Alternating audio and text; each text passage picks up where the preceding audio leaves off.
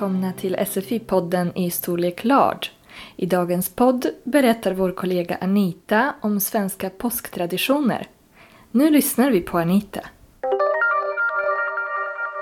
Hej! Jag heter Anita och jag tänker berätta lite för er om påsken. Påsken för oss är ju en väldigt stor helg. Den är nummer tre kan man säga. Helg, det betyder helig.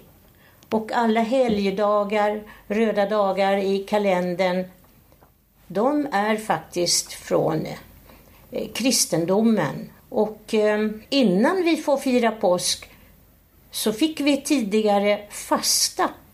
Då åt man inte kött och fet mat på 40 dagar. Och ehm, därför så sista dagen innan man började fasta så åt man semla fast utan grädde. Men då åt man fet mat så att man skulle klara sig länge. Den börjar faktiskt redan på skärtorsdagen och sen är vi lediga fyra dagar. Långfredagen, då Jesus dog. Och sen kommer påskafton. Och afton, det betyder kväll. Så då firar vi att det är kvällen före påskdagen. Och då brukar vi ha lite fest hemma och äta sill och ägg och eh, lax kanske. Sån mat som vi också brukar äta på julafton och på midsommarafton. Och sen kommer påskdagen och sist annandagen. Det är härligt att vara ledig på måndagen. Då kan man riktigt gotta sig och så får man en kort vecka efter. Om det ringer på dörren på skärtorsdagen, då måste ni vara beredda att ha godis hemma. Det kan vara påskkärringar eh, och eh, då vill de gärna ha lite godis. De ringer på dörren och säger glad påsk och de blir jätteglada om de får lite godis. Eh, andra symboler, ja det är ju påskägg och vi äter naturligtvis mycket ägg på påsken.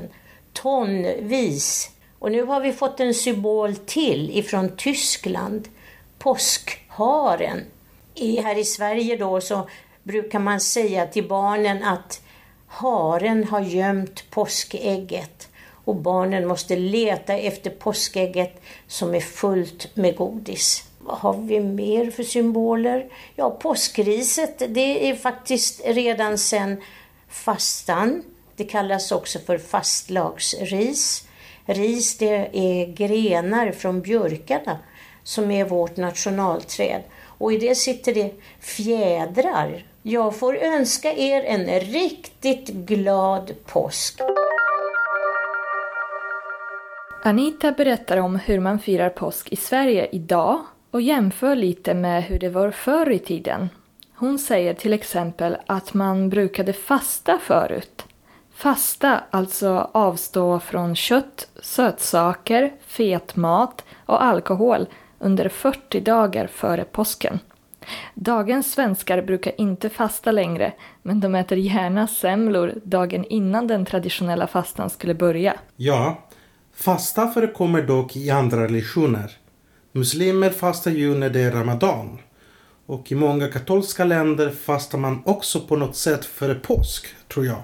Sen nämner Anita påskens viktiga dagar. Skärtorsdagen, som tyvärr inte är någon ledig dag. Enligt Bibeln åt Jesus sin sista måltid då. På skärtorsdagen kommer påskkärringarna, som Anita berättar lite om. De vill gärna ha godis. Fredagen före påsk kallas för långfredagen. Då dog Jesus på korset. Och man är ledig på långfredagen. Lördagen före påsk heter påskafton. Då brukar man träffa släkt och vänner och äta gott. Precis.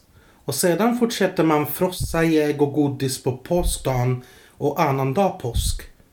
Påskharen som lämnar godisägg till barnen är också påskens symbol och fjädrar i riset. Men då menar man inte fjädrar som finns i en madrass till exempel och ris som man äter i sushi till exempel. Man menar färgglada fjädrar från en fågel, eller konstgjorda sådana. Och riset, alltså grenarna från ett träd, oftast björk. Det finns flera bisatser i den här podden. I pdf-filen kan ni hitta lite information om bisatser. Tänk att eh, en bisats kommer alltid med en huvudsats och bisatsen kan komma före eller efter huvudsatsen. Då påverkas huvudsatsens ordföljd. Ni kan också göra lite övningar som vi föreslår i pdf-filen. Hej! Jag heter Anita och jag tänker berätta lite för er om påsken. Påsken för oss är ju en väldigt stor helg. Den är nummer tre kan man säga. Helg, det betyder helig. Och alla helgdagar, röda dagar i kalendern, de är faktiskt från eh, kristendomen. Och eh, innan vi får fira påsk så fick vi tidigare fasta. Då åt man inte kött och fet mat på 40 dagar. Och eh, därför så sista dagen innan man började fasta så åt man semla fast utan grädde. Men då åt man fet mat så att man skulle klara sig länge. Den börjar faktiskt redan på skärtorsdagen och sen är vi lediga fyra dagar. Långfredagen, då Jesus dog. Och sen kommer påskafton. Och afton, det betyder kväll. Så då firar vi att det är kvällen före påskdagen. Och då brukar vi ha lite fest hemma. Och äta sill och ägg och eh, lax kanske.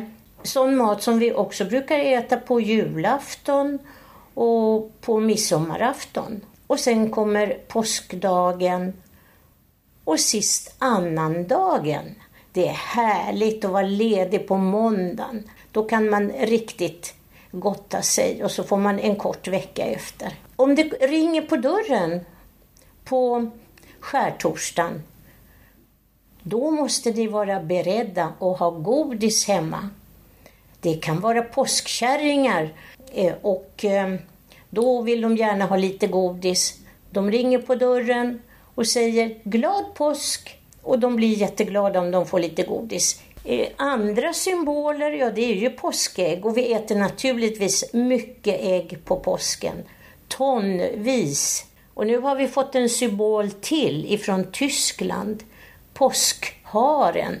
I, här i Sverige då så brukar man säga till barnen att haren har gömt påskägget och barnen måste leta efter påskägget som är fullt med godis. Vad har vi mer för symboler?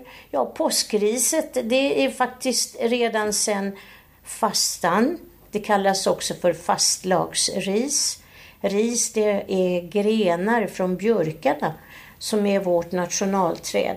Och i det sitter det fjädrar. Jag får önska er en riktigt glad påsk. Det här var allt för idag. Vi önskar er en glad påsk.